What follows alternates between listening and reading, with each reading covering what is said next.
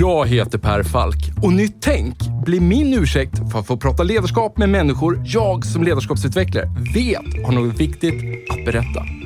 Och med tio avsnitt per säsong, varannan vecka, gräver vi därför ner oss i tekniker, principer och synsätt för att vi ska sätta fingret på vad som kännetecknar det ledarskap vi alla behöver se mer av. Och för att få de här samtalen att hända så har vi sponsorer. Först och främst min arbetsgivare Mindset, där jag och mina kollegor tar fram både små och stora ledarskapsprogram som skapar de nya beteenden som behövs för att få er strategi att hända. Allt handlar om att noga identifiera moments that matters.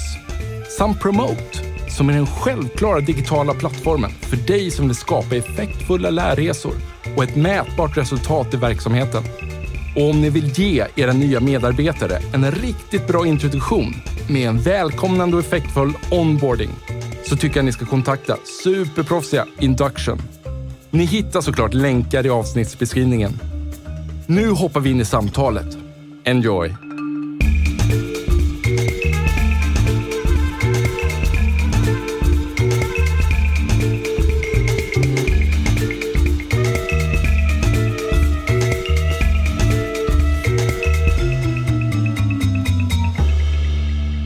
Kameran rullar, den får bara köra på. Eh, nej men du, du, då rycker vi igång det. Och jag, Ja. håller, jag håller järnkoll på tiden här, Mm, det eh, så du får gå ut kvart över. Det är lugnt. Bra. Men du, då börjar jag bara med att säga så här att Eh, jag märker ju så här efterhand då som jag klättrar på the food chain av poddgäster här, att det blir svårare och svårare att få folk, eh, få loss tid i, i studion här. Eh, så jag vill varna med en gång. Jag kanske kommer vara lite snabbare eh, än vad jag brukar vara. Eh, vi kanske kommer göra lite tvärare hopp i samtalet. Vem vet? Eh, och, eh, men du ska få liksom presentera dig alldeles strax här Per. Men bara en snabb fråga. Hur ser en arbetsvecka ut för dig?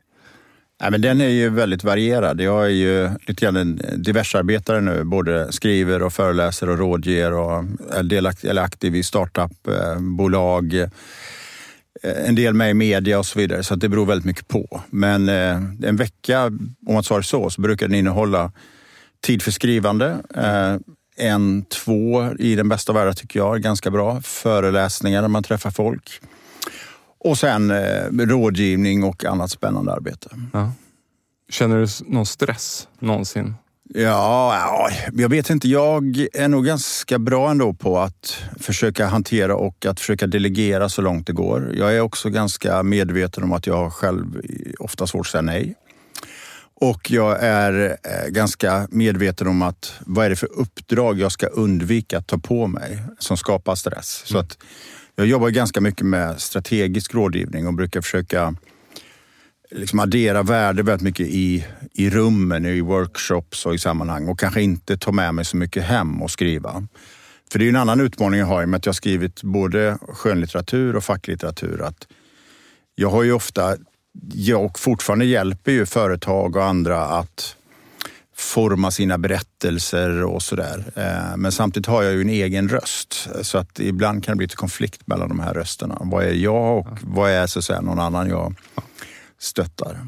Vad gör du på fritiden då? När, när du känner att du måste samla, ta ett steg tillbaka från det här och, och samla energi? Ja, men jag är väldigt, väldigt intresserad av mat och dryck. eh, Så att det är mycket. Det har jag ju också faktiskt jobbat lite med. Både skrivit bok och gjort andra saker.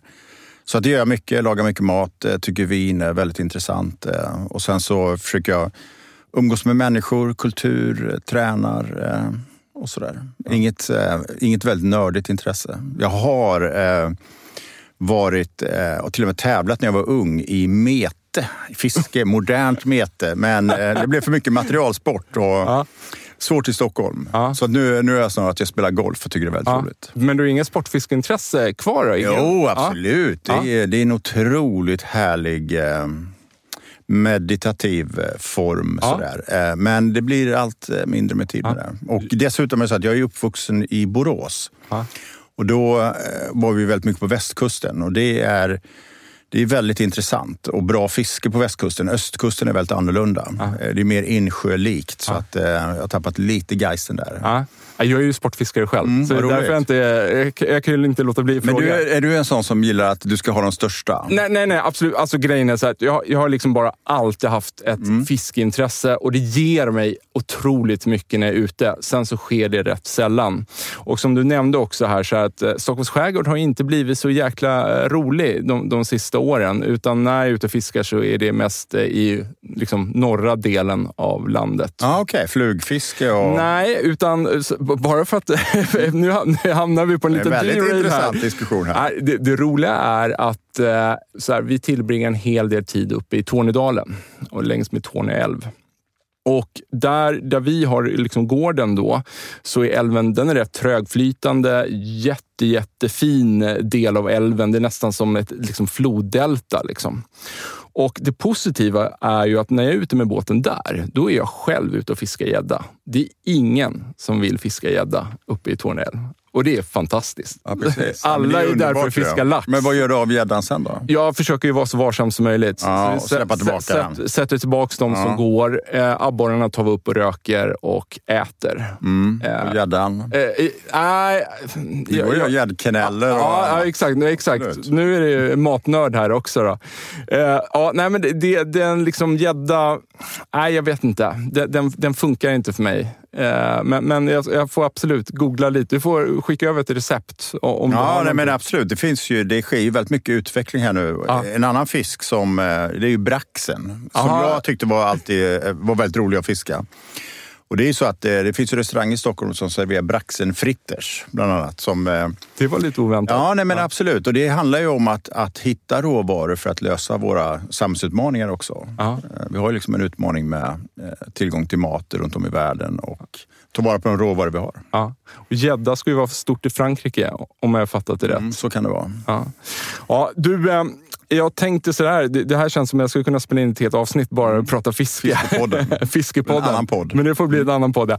Du, eh, jag tänkte såhär, i, eh, igår så stod jag faktiskt och, och skröt lite om att jag skulle få in dig i studion till en person, och, men det föll lite platt för, för personen kopplade inte vem du var. Mm. Och då stod jag där och ville liksom sätta en etikett på dig? Liksom, alltså, vad, vad, vad är ditt yrke? Liksom? Och då, då stod jag och famlade lite och sen till slut så sa han någonting i stil med att du var en futurist. Utan att känna att det där var inte 100% klockrent, liksom, men det var det närmaste jag, jag landade i. Ja, men det ligger väl eh, lite i det. Det låter ju lite högtravande och sådär. Men i grunden att... Lovar mycket? Ja, nej, men att, att eh, det handlar ju väldigt mycket om att titta på den tid vi lever i och fundera på vad av det vi ser just nu kommer att bli beständigt framåt. Hur kommer det samvariera med annat och hur kommer det påverka framtiden? Och vad betyder det sen för ledarskap, beslutsfattande, kommunikation? Så det är ju mycket av det jag gör, alltså kommunikation, berättelser, framtidsfrågor. Ehm, så det, det var väl ganska träffande tycker jag. Då. En, en kommunikativ Annars brukar jag säga eh, föreläsare, författare, rådgivare, entreprenör. Så det, lite, det blir lite mycket. Ja. Futurist är bättre. Ja. Hur skulle du beskriva din resa eh, egentligen? För någon som inte kopplar vem du är för någonstans, mm. jag förknippar ju dig, den första gången du hamnar på min radarskärm, det är ju i samband med Nya Moderaterna. Ja, nej men absolut. Jag, här, jag är född och uppvuxen i Borås, i Teko-Sverige, eh, väldigt småföretagarorienterat. Men blev ganska tidigt i min liksom, ungdom politiskt aktiv och märkte då också att jag tyckte väldigt mycket om att skriva och mm. formulera budskap. Jag tror att jag var kan ha varit 14 år när jag skrev min första debattartikel i Borås Tidning. Som tur är har inte internet lagrat eh, på den tiden. Eh, och sen så pluggade jag i Göteborg på Handels eh, och ja, men så fick jag möjlighet på, av olika sätt. Så jag jobbade i politiken ganska mycket fram till egentligen 2013 med undantag av ett antal år. Jag jobbade i kommunikationsvärlden och i Kinnevik och sådär. Men där jobbar jag väldigt mycket med kommunikationsstrategi och förändring. Både i det du pratar om här förnyelsen av Moderaterna, att förnya ett politiskt parti, att eh, eh, faktiskt vara med med två väldigt, väldigt framgångsrika valrörelser. Men jag jobbade också sen i regeringskansliet. Jag var ju statssekreterare och statsminister med ansvar för kommunikation och framtidsfrågor. Så att det var ju en era, men det slutade jag med 2013 eh, och sen dess har jag egentligen kan man säga, fortsatt jobba väldigt mycket med just framtidsfrågor, kommunikation, men väldigt mycket ur ett samhällsperspektiv. Allt ifrån rådgivning, startups, eh, kultur, eh, varit med och gjort en tv-serie. Så jag har försökt utforska det här på lite olika sätt. Eh, men idag så arbetar jag egentligen frilans. Jag har haft byrå tidigare med medarbetare men när jobbar frilans, jobbar mycket med andra personer, tror väldigt mycket på att man lär sig om man är nära andra. Så idag jobbar jag väldigt mycket med Kjell och Nordström exempelvis. Eh, vi har kommit ut med vår tredje bok och gör podd faktiskt i samma studio som vi sitter just nu. Eh, och det har alltid varit någonting för mig, att hitta andra människor som ofta har lite andra perspektiv. Mm.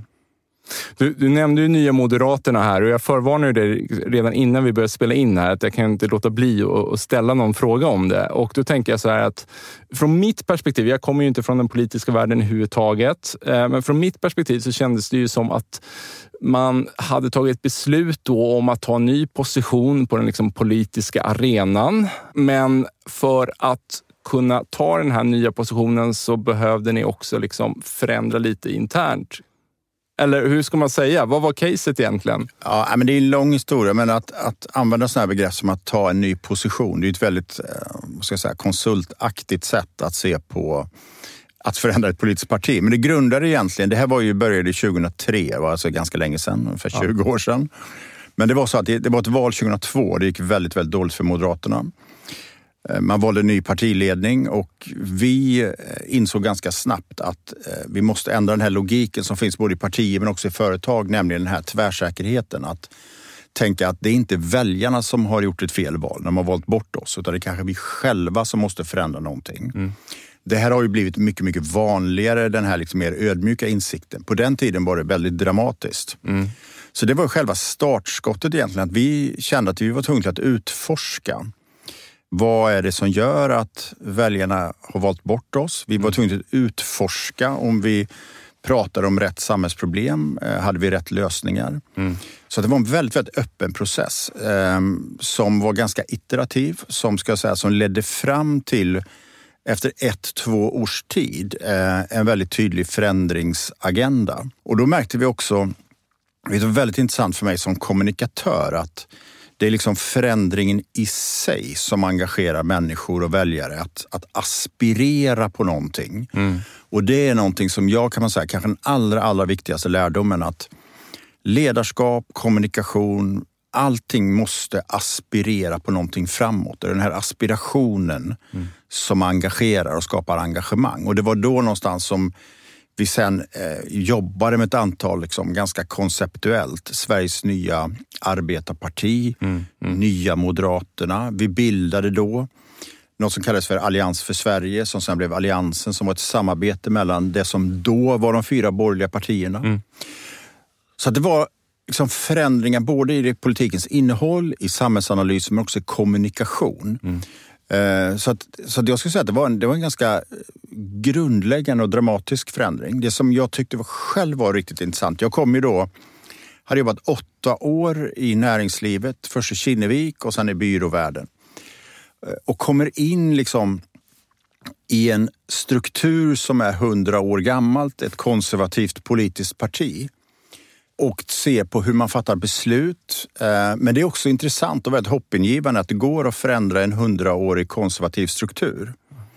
Och jag tror att allting handlar någonstans om kommunikation, den här aspirationen framåt, inte förhålla sig till det som var. Så att, så att ur min horisont så har jag dragit en massa roliga och spännande och tror jag viktiga lärdomar. Ja, exakt. Vad, vad skulle du då? Vad, vad, är de viktiga? Om vi bara ser på det här och alltså, det krullar väl sig säkert i kroppen Nej, dig. Om man ser det som ett change management-projekt ja, och först... en organisation. Ja, men det vad, första framgångs... bli lite anonyma alkoholister. Inse att eh, du inte har alla svar själv. Du måste lära dig. Det tror jag, den här ödmjukheten tror jag är det första. Att vara att vara lyssnande, att vara aspirativ. Eh, men också att ha... Eh, alltså jag skulle säga att ledarskapet under den tiden var väldigt entreprenöriellt. Eh, samtidigt så hade vi ett ledarskap som var ett lag. Mm -hmm. det, och jag, det är också någonting jag tror väldigt mycket på, att man ska se ledarskap som lag. Och där vi hade en person som då var Fredrik Reinfeldt som också hade liksom modet och förmågan att i allt det här liksom kreativa, skapande processen ändå fatta beslut. Mm. Så jag tror att förmågan att fatta beslut i kombination med att ha en öppenhet och tillåta individer som har väldigt olika bakgrund, olika perspektiv, olika logik att liksom samspela där det finns ett högt förtroende för varandra. Mm. Sen finns det ytterligare en aspekt som har slagit mig väldigt mycket efteråt. När jag lämnade politiken så jag skrev en bok som heter Stå aldrig still. Ja. Och den på något sätt markerar ju det här att vara i ständig rörelse. Men samtidigt så tror jag att i den typ av tid vi lever i som liksom accelererar i komplexitet och förändringshastighet och sådär. Att väldigt mycket handlar om att förmågan att stanna upp, förmågan att reflektera, förmågan att reflektera i grupp. För det som slog mig efteråt var att eh, nästan alla de här riktigt stora avgörande besluten fattade vi inte bara liksom snabbt sådär, utan fattades just i det här när vi hade förmågan att stanna upp och det kunde vara att det var väldigt högt tempo, vi kanske var en väldigt allvarlig kris, men ändå tog vi oss tid. Kanske att sitta liksom 24 timmar och bara reflektera, få en samlad bild av omvärlden och verkligen djupa ner i och fatta strategiska beslut. Och jag brukar tänka på det att det finns ju ibland, man kan vara lite orolig ibland för att den här svenska konsensuskulturen eh, kommer ha lite svårt att hävda sig i en tid med ökat tempo, hybridledarskap och så vidare. Och I Sverige så slutar vi många möten med att säga att ah, men då säger vi så. Mm. Medan jag tror att i den här typen av förändringsprocesser så krävs det att man också är väldigt tydlig på vad är det för beslut vi har fattat. Mm. Modet att fatta beslut. Mm behöver inte alltid vara de stora dramatiska besluten, det kan vara många små beslut. Mm. Men jag tror beslutsfähighet och att göra saker och ting är väldigt avgörande. Mm. Så om man ska summera det då, vad jag hör här, liksom att modet att våga ha en öppen diskussion med organisationen, men samtidigt döma av vilken rikt- Absolut. En, en tydlig riktning. Ja, ja, men jag skulle säga att det modet börjar ju också hos en själv. Därför att Människor, vi har ju alla människor världsbilder som begränsar vårt tänkande. Vi har en idé om, om vi jobbar i banksektorn, hur en bank är och vi har massa idéer. Så det handlar också om att liksom våga utmana sig själv, våga tänka mycket friare. Det brukar kallas för en liksom, vad heter det, second loop learning. Mm. Men också att våga mångfald. Jag tror att det är helt centralt att skapa grupper antingen i företagsledningar eller i advisory board eller vad man nu gör. Men där man vågar låta liksom människor med olika perspektiv mm. möta ett och samma problem och där man gör det på ett respektfullt sätt. Mm. För jag tror att det är en sån otrolig risk att man cementerar, eh, man rekryterar människor som är lika en själv och cementerar. Medans förändring i alla fall handlar väldigt mycket om att tillåta olikhet. Ja. Du nämnde ju här ökad eh, komplexitet och det är väl lite det jag tänkte vi skulle liksom ägna eh, resten av, av samtalet här. För jag tror att det är rätt många som känner just nu att världen är inne i någon form av av rörelse och snabbt förändras och att det är så många olika krafter som kanske, kanske inte samspelar, men det är så många krafter som träffar den här rörelsen från så olika håll. Så det, det är lite svårt att prediktera vad världen kommer ta vägen. Och jag tycker ni fångar det bra i er bok med din kollega som du nämnde innan här, eh, Kjell A Nordström, som du har skrivit boken Momentum tillsammans med och även som du nämnde spelar in podden med samma mm. namn här på Beppo ljudproduktion. Ni pratar ju om triss i kriser. Mm. Och... Ja, man brukar prata om det som en permakris, alltså flera kriser på varandra. Och det som är väldigt intressant tycker jag, är att om vi bara backar tre år tillbaka så levde vi i en tid eh, där vi hade en ganska samstämmig syn på framtiden. Vi var ganska överens om att globalisering, urbanisering, digitalisering mm. var vägen framåt. Eh, vi var väldigt tvärsäkra på att det här är så det kommer bli. Mm. Skrevs till och med en bok som heter The End of History. Nu är det slut med historien. Mm. Det var också så att vi var ganska övertygade om att pengar kommer vara gratis i all framtid. Tillväxten kommer vara evig. Så det var en väldigt hoppfull, kanske kan kom från, med lite bumpers och sådär, men från 40 år av mänsklighetens allra bästa eh, tid. Liksom. Sen kommer pandemin, sen kommer kriget och sen så accelererar samtidigt klimatkrisen. Och det är väl det, precis i det mötet, i det ögonblicket som som jag och Kjell skriver den här boken. Och det börjar egentligen med att vi skriver en bok som heter Corona Express som mm. kommer i december 20, mitt under brinnande mm. pandemi. Mm. Vi märkte att det blev ett väldigt stort intresse för just några som vågade tro någonting om framtiden. Eh, vi tänkte sen då, att ah, vi ska skriva en uppföljare, inte minst fokus på arbetsliv och ledarskap. Då invaderar eh, Putin Ukraina. Och vi tänker att ah, men nu får vi göra liksom ett, ett rejält omtag. Så då ställer vi oss den här frågan. En triss i kriser, alltså pandemi, krig och klimatkris. Vad får det för påverkan? Och man kan säga att vi landar ner egentligen i att det här skapar eller lägger grunden för en ny världsordning. Det låter ju väldigt, väldigt pretentiöst och högtravande, men man kan säga att den består av fem delar. Det ena är globaliseringen mm. som vi ser eh, på något sätt bryts ner i värderingsmässiga regioner. Väldigt tydligt påverkar allt från kapitalanskaffning till internationaliseringsstrategier, vad vi rekryterar och så vidare. Mm. Vi ser klimatomställningen som ändrar karaktär, som går från att vara någonting som vi såg som en kostnad till att bli liksom drivkraften för tillväxt. Mm. Och vår lilla spaning är att det kanske är grunden för tillväxtfas de kommande 20-30 åren. Vi tittar, och det har vi gjort under ganska lång tid, hur det förändrar städer. Mm. Pandemin utmanade ju städerna, men vad vi ser är att städerna förändras. Mm. Och sen tittar vi naturligtvis på distansarbetet, eh, ett mer flexibelt arbetsliv och sen vad det betyder för ledarskapet. Så på något sätt så tror att det är väldigt lätt idag att se bara skog när vi tänker oss att det är pandemi, det är krig, det är inflation, det är energipriser. Att man ser liksom en skog och då är det lätt att man går in i vad man kallar för ett survivor mode. Jag ska bara överleva, jag tar ner mina risker. Men vi vet samtidigt att vinnarna, det är de som också agerar under krisen. Mm. Och för att sätta sig i det som då är den andra möjligheten, nämligen driver mode, att man sätter sig i förarsätet och påverkar utvecklingen så tror jag det handlar om att man måste själv kunna göra sig ett eget scenario om framtiden där man ser lite trädtoppar och agera utifrån det. Och det är väl de här fem trädtopparna som jag och Kjell ser. Men samtidigt så ska man också komma ihåg att väldigt mycket av det som var för tre år sedan, alltså teknologi, AI, otrygghet, polarisering, demografiska förändringar, lever ju fortfarande kvar. Mm. Så det är, det är vad vi kan, man brukar kalla för en formativ tid, alltså en tid när beteenden och logiker i grunden förändras. Det har ju varit så under ganska lång, många gånger såklart. Industrialiseringen, digitaliseringen. Mm. Nu kommer en ny formativ tid. Mm. Ja, jag kan ju inte låta bli att tänka på, nu nämner du industrialiseringen, jag kan ju inte låta bli att tänka på Spinning Jenny. Absolut. Ja, vad var det det handlade om egentligen? Ja, men det var ju egentligen grunden för industrialiseringen. När vi plötsligt märkte att vi kunde liksom industriellt producera saker och ting. Ja. Eh, och förutse. Och då började allting egentligen med att vi kan göra någonting. Vi kan skala upp saker, ja. mångfaldiga och så vidare. och så vidare. Så att, eh, och då kan man säga tog väl också det här med förutsägbarheten en stort steg framåt. Det är lite intressant. Det är en, det är en annan bok som jag och Kjell kanske ska skriva någon gång.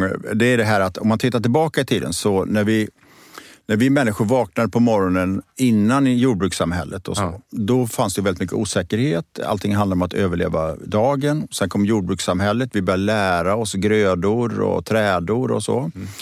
Förutsägbarheten ökade. Mm. Industrisamhället, förutsägbarhet. Mm. Nu kanske det är att vi lever i en tid när plötsligt så är vi nästan tillbaka innan jordbrukssamhället. Det är så otroligt oförutsägbart. Mm. Kanske inte det som det handlar om då, nämligen materiell nöd eller knapphet. Mm men annat. Inte minst människans sökande efter mening. Mm -hmm.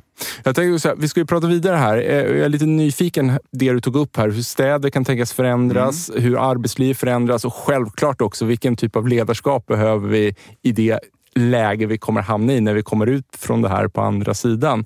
Men du nämnde regioner. Mm. där i början som en av de här fem mm. pillars. Vad, vad, skulle du kunna utveckla det?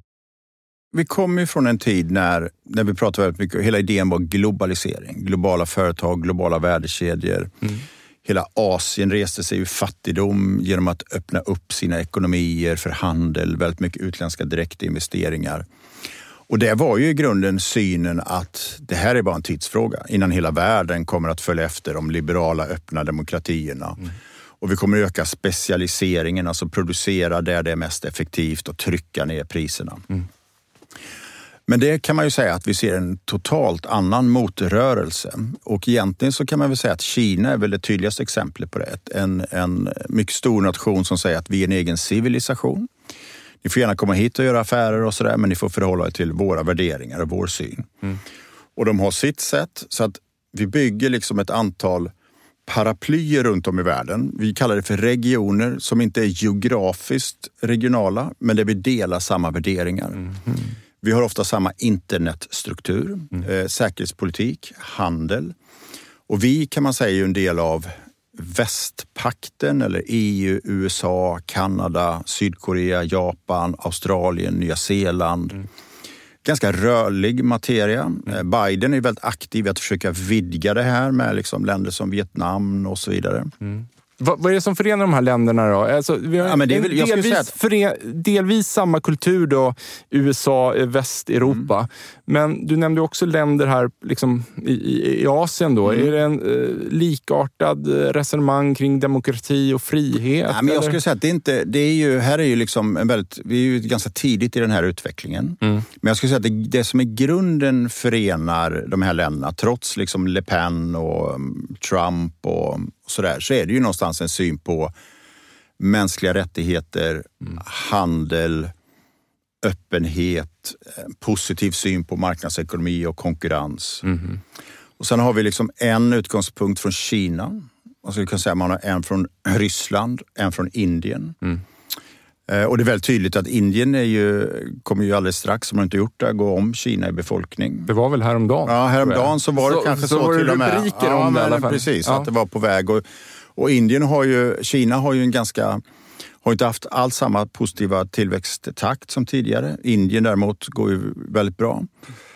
Relativt sett bra. Samtidigt så finns det ett antal frågetecken runt om i världen. Vad tar Afrika vägen? Mellanöstern? Sydamerika? Så att det är väldigt fragmentariskt och sådär. Men vi märker att det är liksom en ny struktur och det innebär ju också att om geopolitiken tidigare byggde väldigt mycket på att nationalstater agerade och sen så hoppades vi inom ramen för FN. Mm så det är mycket mer, så vi kallar det här för oligoner, mm. kommer från oligark eller oligopol, några få bestämmer. Så är väl vår spaning att eh, vi kommer få se mycket mer att de här oligonerna agerar med och emot varandra. Eh, och vi har ju sett tydliga tecken på det här. Alltså priset för att agera eh, liksom, med andra oligoner har blivit högre. Mm. Företaget Embracer eh, gjorde en kapitalanskaffning för var det, ett halvår sedan. Fick otroligt mycket badwill. Vi hade ett fotbolls-VM i Qatar. Mm. Det var väldigt komplicerat. Mm. Tidigare hade man mycket idén att även om vi har olika politiska system, så det, om vi har handlar med varandra så kommer vi kunna förändra vandeln hos den andra. Och eh, eh bara för att Embracer då, de mm. lockade in kapital från Saudiarabien. Saudi, ja. Mm. Mm. Och, det blir, och, det, och, och, poängen är bara att det är en tendens och ett tecken. Mm. Men det är också lite grann så att mm. Mm globalisering har ju lite grann mer varit en idé än något i verkligheten. Därför att även om vi tittar på om vi tar svenska företag som säger att vi är väldigt globala, så tittar vi på vilka är våra viktigaste exportmarknader. Det är liksom eh, Norge, Tyskland, USA. Så vi håller oss väldigt mycket till vår del av världen. Och jag tror också rent kulturellt att, att ett svenskt NATO-medlemskap kommer att markera detta väldigt mycket tydligare också. Att vi kommer rikta blicken västerut snarare än, än mm. väldigt mycket österut. Mm. Bara för att du tog upp Kina här, eh, var eh, en, en liten passus eller vad man ska säga. Så här. Vad, vad, tror du om framtiden för Kina? Megastor, luftig fråga. Mm, ja, men absolut. Eh, Kina vill ju själv bort ifrån eh, att vara den här typiska låglöneaktören.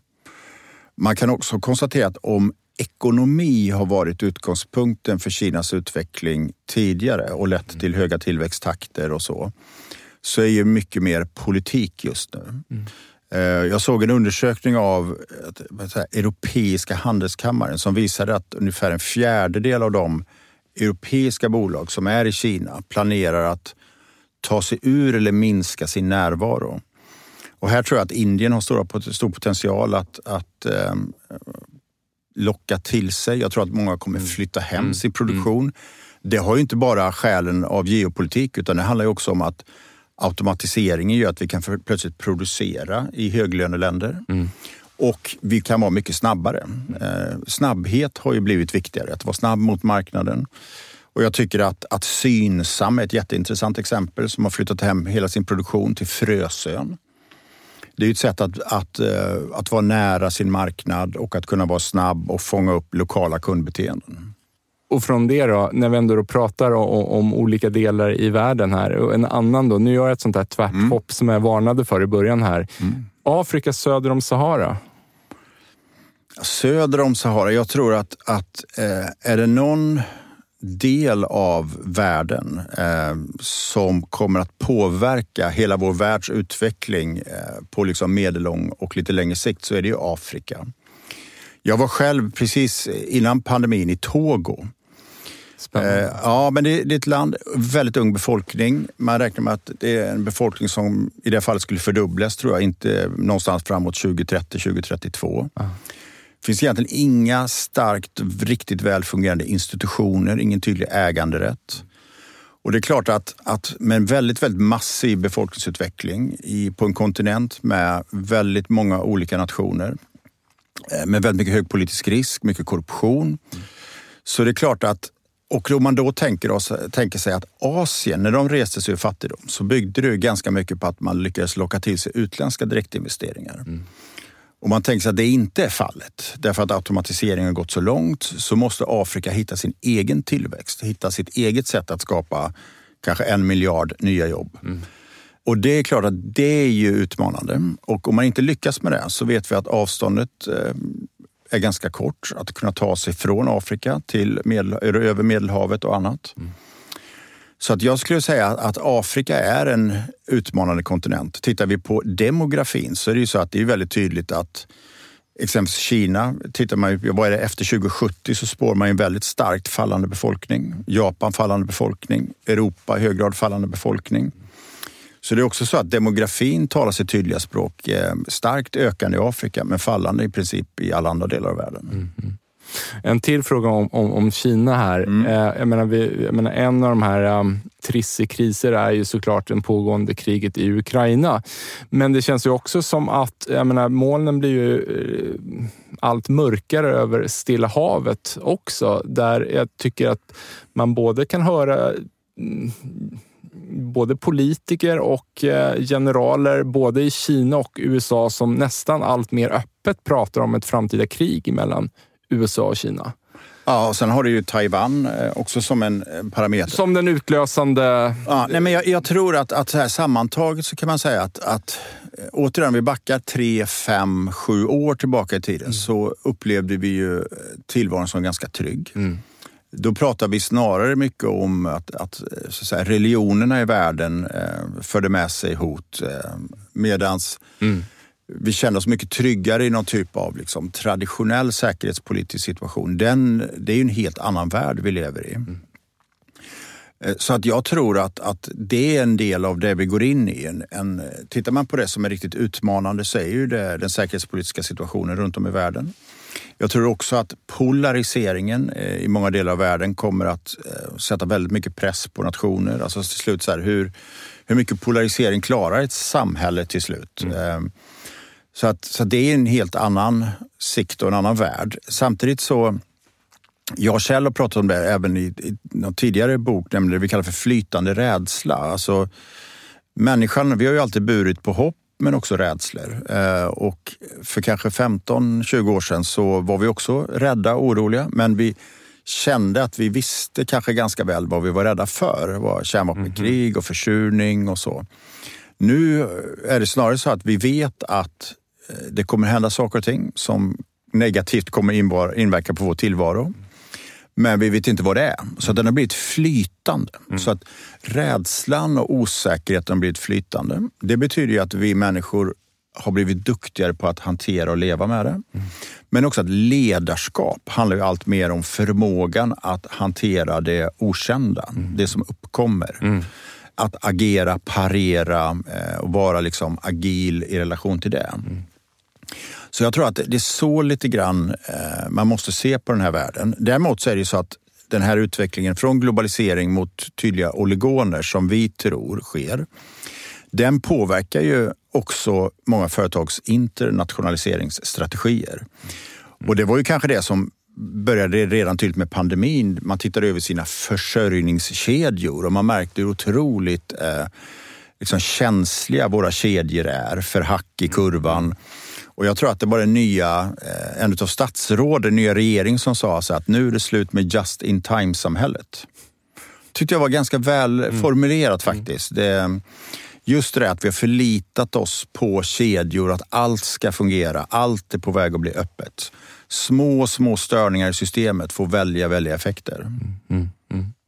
Du, om vi då så här, vi lämnar de här oligonerna mm. Mm. Eh, och så bara zoomar vi in lite grann då och pratar om, om städer mm. som kanske ligger i de här oligonerna. Finns det något rum för städer Ja, nej, men så det, det, jag skulle säga pandemin var ju jätteintressant. Eh, jag, jag och Kjell vi skrev ju 2014 en bok som heter Urban Express eh, där vi pekade på städerna och, och, inte minst kvinnor i städerna som stora förändringsagenterna. Och det var rätt intressant. Vi var ute och pratade rätt mycket med det och pratade en hel del också med Hans Rosling som levde då. Och han var ju väldigt tydlig, för han sa alltid så här, men ni grabbar, va? ge mig bara ett virus så är det slut med städerna, sa han. Då kommer folk flytta ut därför att en stad är otroligt känsliga för städer och pandemier. Och det är också det som vi faktiskt skriver i vår bok, att det enda som då, 2014, det enda som möjligtvis skulle kunna hota eh, städernas fortsatta tillväxt eh, vore en pandemi. Mm. Så kommer pandemin och prövar ju städerna. Men jag skulle säga att städerna står pall. Men städerna är i stor förändring. Och det märks väldigt tydligt i de allra största städerna som har störst problem med luftföroreningar, trångboddhet, eh, köer och så vidare. Mm. Eh, att det, där håller man nu på väldigt tydligt. Man utmanar bilen, platser för bilen. Och vad man gör, och det ser vi också i Sverige, det är att vi går ifrån den här idén om den funktionsseparerade stan där man arbetar på en plats, bor på en plats, mm. handlar på en plats, mm. externhandel där och så vidare. Till att vi decentraliserar städerna och att vi mycket mer bor i våra egna kvarter och lever och verkar och arbetar. Och det finns en fransk akademiker som heter Moreno som har skapat en väldigt enkel idé som heter 15 minuters staden som är eh, otroligt simpel men väldigt briljant. Som egentligen bygger på att var du än befinner dig så ska du inom 15 minuter till fots eller per cykel kunna nå arbete, eh, fritid, naturupplevelser, återbruk. Mm. Och då handlar det om att decentralisera. Så att Paris är ju en stad som går väldigt mycket i bräschen här. Ta mm. bort platser för bilen, skapa platser för människor. Mm, mm. I Barcelona finns det diskussioner om att skapa, de kallar det för superblocks. Eh, där 80 procent av alla transporter ska vara till fots, per cykel eller med kollektivtrafik. Eh. Och det ser vi också i Sverige. Därför att det som hände då, det var att vi fick de här lite grann av donutstäder där stadskärnorna utmanades. Medans kvarteren och stadsdelar eh, fick väldigt mycket liv. Mm. Och, och, det bygger just på det här att, att, att, skapa kvarter som har den här mixen av allt det, men, det vi människor behöver. Men, men tror du idén att skapa dem, tror du är en rörelse att det skapas av sig själv i storstäder i väst? Eller är det en aktiv tanke att det är åt det hållet vi borde ja, det skap, gå? Ja, det skapas ju absolut inte av sig självt. Utan, eh, idag, jag skulle säga så här, det här är ganska ovetenskapligt, men min bedömning är att det är i de städer där man har tydliga borgmästare, tydligt lokalt ledarskap, mm. som man går eh, allra mest i mm, bräschen. Mm, mm, Vad vi ser i Sverige är ju att stadsutveckling bygger mycket på samarbete. Vi har ganska svaga politiska ledningsstrukturer. Utan här skulle jag säga att det snarare är fastighetsbolag som vågar mm. äga koncentrerat. Mm. Den gamla logiken i fastighetsbranschen har egentligen varit att det är en finansiell placering och du ska äga många olika typer av fastigheter på många olika platser för att ta ner risken. Stadsutveckling handlar om att våga äga koncentrerat och det har vi sett exempelvis i Stockholm, AMF Fastigheter som har utvecklat hela Brunkebergstorg. Vi har Diös, ett fastighetsbolag som äger fastigheter koncentrerat i tio tillväxtorter i norra Sverige. Mm. Så jag tror att i Sverige så är det mer av samarbete, men jag tror att fastighetsbolagen spelar en nyckelroll och de som opererar i fastigheterna, alltså innehållet. Mm. Och väldigt mycket handlar ju om bottenvåningarna, bottenvåningslivet. Det är det som skapar attraktion. Och det visar sig också att, att kontor, alltså med klassiska kontorshyror, alltså attraktionen för ett kontor är väldigt avgörande vad vi har i bottenvåningarna. Och där menar du kaféer, restauranger? Kaféer, restauranger, hälsa, kultur, ja. coworking, ja. allt sånt där. Och det har ju tidigare varit väldigt mycket handel. Mm -hmm. Och handeln är ju fortfarande viktig. Det sker en stor omvandling, mycket mer upplevelsebaserad. Men eh, här är ju ett mycket mer holistiskt perspektiv. Och jag tror att en, en nyckel nyckel för en framtida attraktiv plats är ju att den ska stå för livskvalitet och flexibilitet. Det ska vara hållbart. Mm. Men jag tror också att arbete är en nyckel. Att det handlar inte längre bara om att locka företag att etablera sig utan platser måste vara attraktiva för oss att arbeta. Mm. Så jag är helt övertygad om att den här det vi kallar de tredje rummen för arbete, inte hem, inte arbetsplatsen utan kaféer, restauranger, coworking, hotellobbys, mm. vad det än är. Mm. Vi kommer få se en dramatisk tillväxt där och en enorm innovation i nya sätt att, att göra detta. Och jag såg en siffra att ungefär 10 procent av kontorsytorna i Stockholm nu är coworking. Så WeWork var lite före sin tid då? Innan ja, de gick omkull? före sin tid. Jag skulle säga att det var många som, som var ett, vi kallade det för kontorshotell tidigare, vi kallade det för Regus och sådär. Ja. Så att allting sker ju en utveckling och kreativitet är ju att ta kända ting och göra någonting nytt av. Ja. Uh, ja, men WeWork var tidigare, det, finns ju, det kom ju ut en rapport bara häromdagen från The Remote Lab som jag tror visar på att det finns Ja, det är hundratals coworkingplatser i Sverige och inte bara i storstäderna nu utan i princip eh, i alla ja. platser. Och det är helt fantastiskt. Ja, ja. Det finns till, till och med helt obemannad eh, coworking. Det är otroligt intressant för att se hur vi kan få hela Sverige att leva. Hur, hur det är ju därför att vi har väldigt höga arbetskraftskostnader såklart. Men eh, obemannade butiker, obemannad coworking, obemannad gym. Eh, och det bygger ju allting på Sverige är ett samhälle med hög tillit. Mm. Eh, och mm. tillsammans med BankID så kan vi mm. skapa den typen av system. Det är ju fantastiskt. Mm. När, när du ändå nämner det, då, så här, vad, vad, vad, vart ska vi hitta jobben då? Eh, i, i framtiden? Ja, jag, är ganska, jag, är, jag är ganska hoppfull faktiskt. Det är ju det är framförallt den varuproducerande delen av eh, vårt samhälle som mm. starkt automatiseras. Eh, stora delar av tjänstesamhället, inte minst de här, jag brukar säga lite, lite mer kvalificerade enkla jobb. Eh, jag tror vi kommer se att AI och sådär massivt kommer att kunna ersätta sånt som vi människor har gjort inom juridik och marknadsföring mm. och så vidare. Mm. Men men jag tror att det som gör det centrala är ju hela tjänstesektorns framväxt. Vi kommer jobba så mycket mer tror jag med utveckling, lärande, livslångt vuxenlärande kommer ju mm. kräva väldigt mycket. Hälsa, kultur, reflektion. Eh, vi har en demografisk utveckling med många äldre. Mm. Vi vet inte riktigt hur långa demenstiderna blir, om de mm. följer med och sådär. Mm. Så att jag tror att det som ju kommer att avgöra vad vi kommer att jobba med är människans eh, fantasi och förmåga. Eh, så att jag är inte så orolig i den delen. Däremot så tycker jag att det finns en annan del av det och det är ju att jag tror att framtidens kompetenser kommer vara väldigt annorlunda. Ehm, det, jag tror att någonstans är ju en nyckel att, att förstå teknologi och vad teknologin kan användas till. Mm. Men att, att kombinera det med eh, förmåga, alltså kognitiv förmåga, nyfikenhet på människor, relationer och så vidare. Mm. Och sen är det väl mycket möjligt så att, att vi människor eh, kommer att arbeta mycket mindre. Mm. Eh, och vi kanske i mycket mindre utsträckning kommer att tänka att det här är arbete och det här är fritid. Så upplever jag att min tillvaro är. Det är väldigt, väldigt flytande vad som är arbete och mm. fritid. Och man läser en skön, som exempelvis i, vi har också en podd i sista avsnittet. Vi har, en liten, vi har ett sånt där segment där vi har varsitt litet ljudklipp. Eh, och det var en skönlitterär bok jag läste där hon beskrev hur en romankaraktär eh, började ett nytt arbete och det beskrev väldigt väl, tycker jag, den här liksom, eh, självorganiseringen som finns på arbetsplatsen där man lär av varandra. Mm. Så då blev liksom en skönlitterär bok blev en, liksom, någonting som man kunde använda i ett mer eh, ja, men yrkesmässigt mm. sammanhang. Mm. Så att, och jag, så jag tror att allting kommer att flytta, flytta mycket mer. Den stora utmaningen tror jag för, för samhällena blir ju att väldigt mycket av ansvar för att fylla på sin egen kompetens i en tid med stark komplexitet eh, kommer ju att falla på den enskilde. Mm. Och jag vet att jag kanske var typ tre, fyra år sedan, så beställde jag en bok på Amazon, en amerikansk bok som heter The Gig Economy. Och jag trodde att det var en bok som skulle beskriva the gig economy. Men det var väldigt intressant för att det var en bok som riktades till dig som jobbar i the gig economy. Och den hade egentligen bara ett enda budskap. Nu har du allt ansvar själv. Mm. Du måste ta ansvar för din pension, för din kompetens, sälja din kompetens. Mm. Så för mig som läste den ur ett svensk kontext med liksom en svensk modell, parterna på arbetsmarknaden, stort ansvar och så vidare. Så, så den blev väldigt stark symbol för mig kring just den här liksom ansvaret som går från det gemensamma till den enskilda. Och det är ju drivet av teknologi. Samma sak när det gäller hälsa.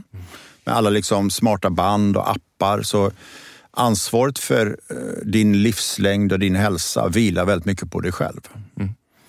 Så det, det, är ju en ny parameter tror jag. En extrem individualisering i inte minst i ansvaret att, att liksom ständigt fylla på sin egen kompetens. Ja. Började, när du säger så, så börjar jag tänka på, jag var för någon vecka sedan på eh, föräldramöte på mm. min sons eh, liksom nya, han ska börja fyran då mm. och på den skola han ska börja på efter sommaren då, så hade de en informationsträff både för, för elever och föräldrar. Och då tar rektorn där upp eh, liksom, vad betyder AI för skolan och hur elever gör sina läxor. Och det som var så befriande, du, du, får säga emot mig här, men det som var så befriande det var att han rektorn, han tog upp det här, det, liksom, det glimmade lite i ögonen på honom. Han tyckte det här var spännande. Han, han såg det inte som ett hot. Mm. Men han konstaterar att this change, changes everything. Liksom. Men han menar på att de redan nu inom lärarlaget pratar om det här. Hur förändrar det här vår undervisning? Och vad är kunskap? Och hur eh, vilka nya, nya former av, av läxor krävs eller inlämningsuppgifter som bättre speglar kunskap i morgondagens samhälle och så vidare. Ja, jag fick energi av det. Det var ja, bara det jag, jag, jag, jag, håller helt med. Men min, min bild av den svenska skolan där är att den är så extremt hög variation. Det finns absolut eh, de lärare som ser det på det här sättet. Jag tycker det är precis så man ska se det. Man, man, återigen, så här, vi måste ju ha blicken riktad framåt och fundera på hur hur kommer vi människor agera och, och lära framåt? Ja. Det jag tror som är lite utmaningen det är att, att eh, även om man har access till liksom AI eller man har all information är tillgänglig på något sätt mm. via mobilen och du kan söka allting så, så är det ändå så att en kontextuell förståelse är ju viktig. Det som återigen lite pretentiöst brukar kallas för bildning. Ja. Att kunna sätta någonting man ser i ett sammanhang. Eh, så här, kulturellt, ekonomiskt, samhällsmässigt. Och det är väl det som jag tror kommer vara utbildningssystemets viktiga roll. Också om man tänker sig den här lite märkliga idén vi har att, att vi människor kommer snart eh, leva hundra år i snitt. Snart vet jag inte, men vi kommer göra det någon gång. Och sen har vi idén att vi, när människor är ganska unga så ska de liksom intensivt studera. Mm. Och sen ska den här kunskapen man lärde sig då när man var ung räcka hela livet. Och det är klart att det är nog en idé som jag tror vi måste ge upp. Jag tror det finns ett antal sådana strukturella strukturella idéer eller logiker som vi har i, i, som ligger kvar sedan industrisamhället. En annan sån här idé på samma sak. Om vi människor lever längre tid, mm. om vår aktiva tid blir längre och inte bara mm. demensperioder och så. Så kommer vi ju arbeta högre upp i åldrarna. Ja, det var precis det jag satt och ja, tänkte Då kanske vi ska skjuta in en, en så kallad pensionsålder mitt i livet när vi skaffar barn. Ja. Varför ska liksom... Ja. så det finns mycket sånt där vi kan tänka på. Väldigt mycket av systemen är ju trögrörliga för att de, de bygger på att vi, så här, vi fonderar pengar. Vi, som, vi kostar pengar när vi är unga vid utbildningssystemet. Sen ska vi jobba in pengarna och sen så ska vi, liksom, vi kunna ta ut pension. Men det är liksom en transferering av ekonomiska resurser över, över livet. Så jag tror att jag tror att vi kommer att leva och jobba och det kommer vara väldigt annorlunda. Och jag hoppas också att vi kommer få se att det finns länder som vågar gå före, testa det nya eller städer. Mm. Eh, så att hela den här utvecklingen på olika sätt innebär ju också möjligheter att i grunden fundera på hela ja. samhällsbygget. Ja. När kommer man politiskt våga ta tag i höjd pensionsålder? Nej, men jag, tror, jag skulle säga att eh, man kommer göra det lite grann under ytan löpande. Eh, så att, och jag tror att det finns också så att nu är det också väldigt olika beroende på vad man har för typ av yrken. Mm. Men jag skulle säga att det finns ganska många som på sina egna villkor vill arbeta längre. Och det handlar om att ta vara på den möjligheten. Det kan, kommer ju också rimligtvis vara så att när liksom automatisering, digitalisering, AI slår igenom så har vi en ganska stark, rimligtvis som kommande kanske 10-15 år, en otroligt stor strukturomvandling på arbetsmarknaden. Som gör att vi kommer behöva hantera det här samtidigt. Mm. Så att jag tror att det finns i frågan också någonting annat och det är att Sverige upplever jag ett ganska ungdomsfixerat samhälle. Vi värderar det unga väldigt mycket. Eh, och även människor som är lite äldre försöker vara unga och så vidare. Samtidigt så tror jag att svaret på väldigt mycket av framtiden handlar om att förena det unga med erfarenhet. Så att jag tror att också det handlar om att, att värdera äldre på ett annat sätt. Mm, mm. Och jag vet, jag var med, det blev inget av det, men för ett gäng år sedan så hade vi en idé att skapa liksom, en startup-struktur för människor över 65. Och det är ganska intressant att bara tänka den ja, tanken. Hur gick, hur gick det? Nej, men det vi, den föll på att vi inte hade genomförandeförmågan. Det, ja. Jag sa i början här att jag ibland, jag vet att jag har svårt att säga nej. Det är en sån typisk idé. Ja. Men det är oerhört intressant vore att skapa fundera på hur kan vi uppmuntra människor som är 65 plus att starta i nya företag. Mm. Mm. För det skulle också, tror jag, symboliskt kunna visa att vilken extrem kraft som finns här och erfarenhet parat med nyfikenhet och öppenhet. Så att, eh, och här tror jag att det svenska samhället, vi är ganska ungdomsfixerat, ganska slutet och vi har en ganska ingenjörsstyrd idé på åldrar och sådär. Du, vi har varit inne på det flera gånger. Kan vi säga något mer om, om hur arbetsplatsen förändras? Ja, nej men så här i grunden så kan man ju, vi kan, känner ju alla till siffrorna ungefär, att ungefär 30 procent av de som jobbar på svensk arbetsmarknad har möjlighet att helt eller delvis jobba på distans. Mm. I undersökningar så uppger de att de vill jobba ungefär två dagar i veckan på distans. Då kan man ju ställa sig frågan, är det här en stor förändring eller inte? Nämligen att 30 procent av de som jobbar i Sverige vill jobba två dagar i veckan någon annanstans än på kontoret. Jag skulle säga att det här är en dramatisk, närmast revolutionär förändring. Därför att det stora som händer det är att det som har varit en konstant, nämligen att vi har sett arbete på ett visst sätt, blir nu en rörlig variabel. Plötsligt så kan vi göra lite grann som vi vill. Plötsligt så kan vi använda innovation, mångfald, utveckling på ett område som har varit statiskt. Mm. Och det här tror jag kommer att, och det är det som gör att vi har en jättemycket diskussion. Är det bra med hybridarbete, distansarbete? Är det inte bra? Senast jag såg nu så var det, eh, var det Disney eh, fyra dagars vecka, Apple tre dagars vecka, Twitter fem dagars vecka. Alla gör olika. Mm. Det här tror jag är liksom en nyckelpoäng, att vi går in i ett samhälle där det som var statiskt blir en strategisk ledningsfråga som är väldigt kopplad till attraktion.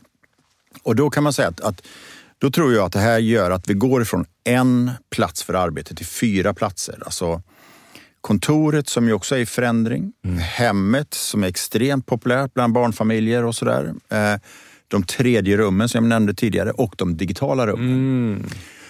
Och Jag tror att det finns, jag har en väldigt positiv syn på ett flexibelt arbetsliv. Eh, jag tror det finns jättestora vinster här, men jag tror att för att ta vara på vinsterna så måste vi också utveckla ledarskapet. Ledarskapet måste bli mycket mer kommunikativt, peka ut en riktning. Mm. Det måste bli mycket mer strukturerat för att skapa processer där man kan bidra om man är på olika platser. Därför att vi kan inte själva organisera oss och det måste, tror jag, bli mer empatiskt. Så, att, så då tror jag att man kan få ut vinsterna. Jag har ju, den här boken har jag skrivit med Kjell Nordström. Han är ju eh, forskare och doktorerar på Handels. Och när vi har tittat på det ur ett mer också organisatoriskt perspektiv så kan det vara så att om vi kallar det för hybridorganisationen, att det är den största innovationen sedan matrisorganisationen. Så att det är någonting väldigt stort och fundamentalt som händer när vi löser upp geografin. Mm. Mm. Det som driver den här utvecklingen, det är kanske inte så mycket ledare och arbetsgivare, utan det är ju talangen. Mm.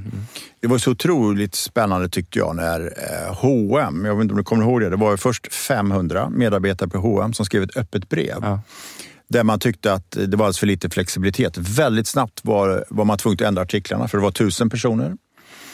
Så det finns ju liksom en, en, en förväntan om förändring hos människor. Mm att eh, arbetsmarknaden ska bli mer flexibel. Och jag vet att i USA har man ju våldsamma problem när man nu ska gå från ganska total lockdown till att kanske gå tillbaka till en femdagars vecka. Mm. Eller fyra dagars vecka eller vad man gör. Men där medarbetare kommer tillbaka till sina kontor och gör samma sak de gjorde hemma. Mm. Och då är det enda som tillkommer är kanske en alltså pendlingstid på två, tre timmar per dag. Mm. Så, att, så att det här drivs väldigt mycket av det här. Jag tror att det här är en ny typ av ledarskap. Ehm, vi har ju pratat väldigt mycket om det här själva organiseringen som har rått tidigare. Vi har ju jämfört det med starar som flyger i formationer. Mm. Väldigt vackra formationer och det som är intressant då att, att vad vi i alla fall vet så finns det ingen chef. Det finns inget fackförbund. Men ändå lyckas de göra detta. Och det är för att de lär av varandra. Mm. Det är hypotesen. Mm. Och så har ju arbetsplatser fungerat. Vi lär av varandra. Vi tittar på varandra. Vad är det för koder som gäller? Vad är det för kultur och så vidare. Mm. Och när vi inte kan göra det, när vi jobbar mer decentraliserat, så måste ju ledarskapet bli tydligare, peka ut en riktning. Och det brukar man använda en annan sån här liknelse, nämligen att om vi inte gör det så riskerar ju medarbetarna att jobba i sugrör. Man vet vad man själv gör, men inte vad någon annan gör. Och det är bara ledarskapet. Så att ledarskapets kommunikativa förmåga, vi kallar ju det för ett berättande ledarskap, nämligen förmågan att i det lilla och i det stora peka ut en riktning med det vi håller på med. Du nämnde ju ordet empati tidigare, mm. ett ord som, som dykt upp rätt ofta i tidigare avsnitt. Här. Vad lägger du in i det begreppet och varför blir det ännu viktigare? Det som jag tycker är det allra svåraste, jag, när jag har varit ledare och så, det har ju varit rekrytering. Och skälet till det är att man har egentligen två dimensioner att titta på. Det ena är ju vad en människa har gjort i erfarenhet. Och det andra är vad en människa har för potential. Mm. Mm. Och för att se vad människor har för potential så krävs det att man är öppen, nyfiken, nära människor. Och man har en fantasi och kan se hur människor kan växa. Och jag tror att den typen av empati, att vara nära människor, kanske inte fysiska rummet, men mentalt, att se hur människor kan utvecklas och växa, mm. men också se när människor inte mår bra.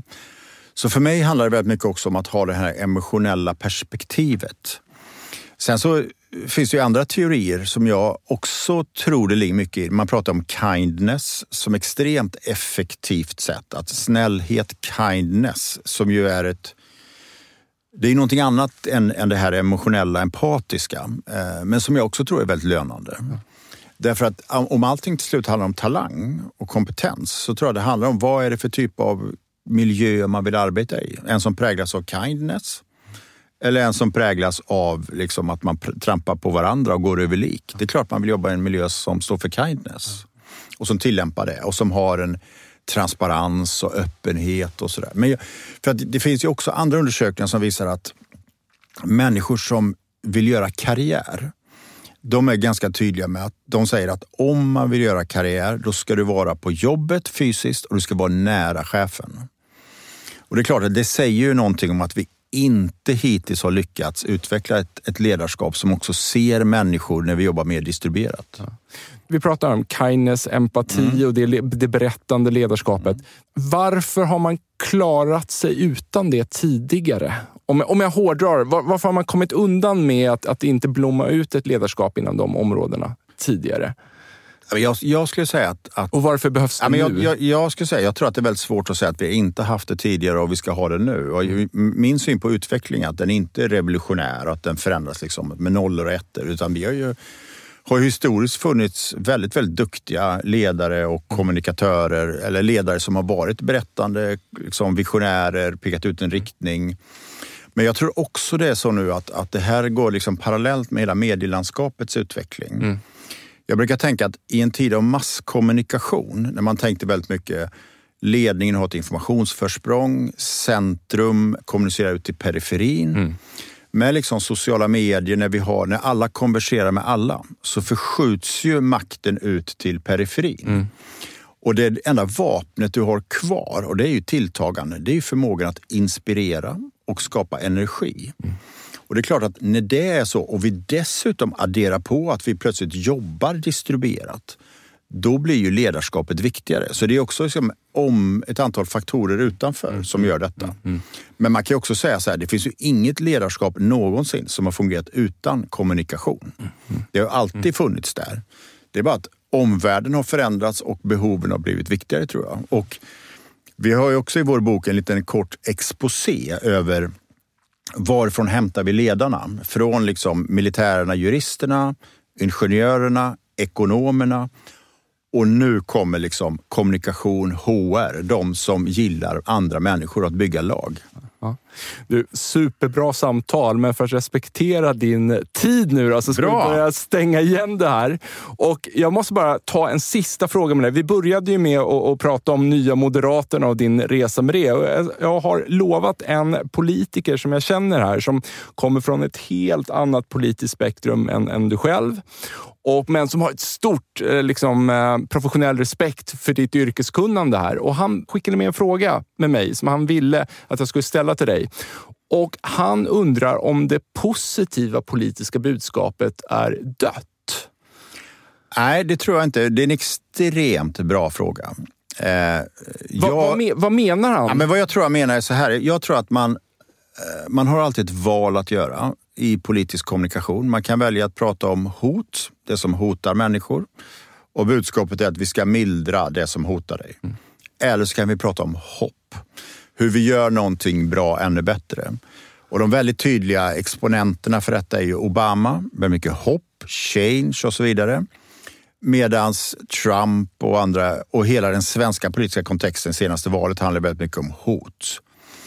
Jag tror inte att det är så, återigen, att det är ettor och nollor.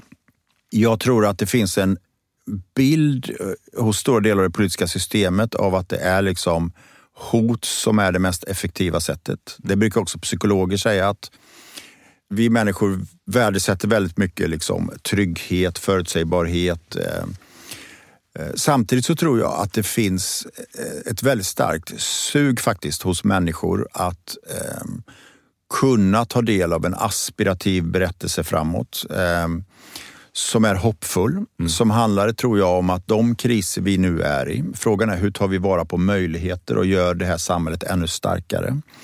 Det finns massor att göra i hur vi kan bli ett starkare samhälle till följd av klimatomställningen, utveckla Sverige till ett mer cirkulärt samhälle ta det faktum, och jag skulle säga att Sverige har unika möjligheter. Hela det nya arbetslivet vi pratar om. Eh, Sverige har, vi har väldigt platta organisationer. Mm. Till skillnad mot länder som Frankrike, Storbritannien. Vi kommer att ha mycket enklare att adaptera ett nytt sätt att arbeta. Mm. Och vi har en hög tillit i Sverige. Så jag Mot tror att, myndigheter? Ja, ja, myndigheter och mellanmänskligt. Mm, mm, så jag, jag, tror att det finns väldigt, väldigt goda möjligheter. Samtidigt så tror jag att det är så här att i ett läge vi har haft de senaste månaderna med väldigt mycket osäkerhet kring inflation, energipriser, energiräkningen, elräkningen och så vidare. Så det är klart att då kan man ställa sig frågan hur mottagliga är människor för en positiv berättelse om man känner att eh, kanske ens tillvaro är på väg att rasa? Och det är klart, det gör det inte. Men jag tror att vi under 2023 kommer att gå över från den här genuina osäkerheten om inflation, eh, om energipriser mot en kanske tydligare, vad vi kallar för lågkonjunktur. Jag är helt säker på att, att eh, vi kommer få se mer av positiva berättelser. Eh, samtidigt så jag tycker frågan är extremt relevant ställd och jag personligen brukar alltid vara eh, också tydligare att som om man är inne i politiken så har man också ett ansvar att faktiskt eh, ha positiva berättelser för att det kommer påverka hela samhällsdebatten och kulturen i ett samhälle. Mm, mm. Stort tack för att tack du tog dig tid att komma förbi. Och yes. du, självklart lägger vi in en länk till både boken och podden direkt i avsnittsbeskrivningen om man vill fortsätta följa de här resonemangen. Underbart. Tackar. Skitbra. Och klockan är 14.14. 14. Lysande. Ja. ja, men bra. Fan, det var jävligt bra. Ja, men det var jätte, jätte, jätteroligt. Hörni, tack till våra sponsorer. Mindset Promote samt Induction för att ni tror på den här produktionen. Ta hand om er.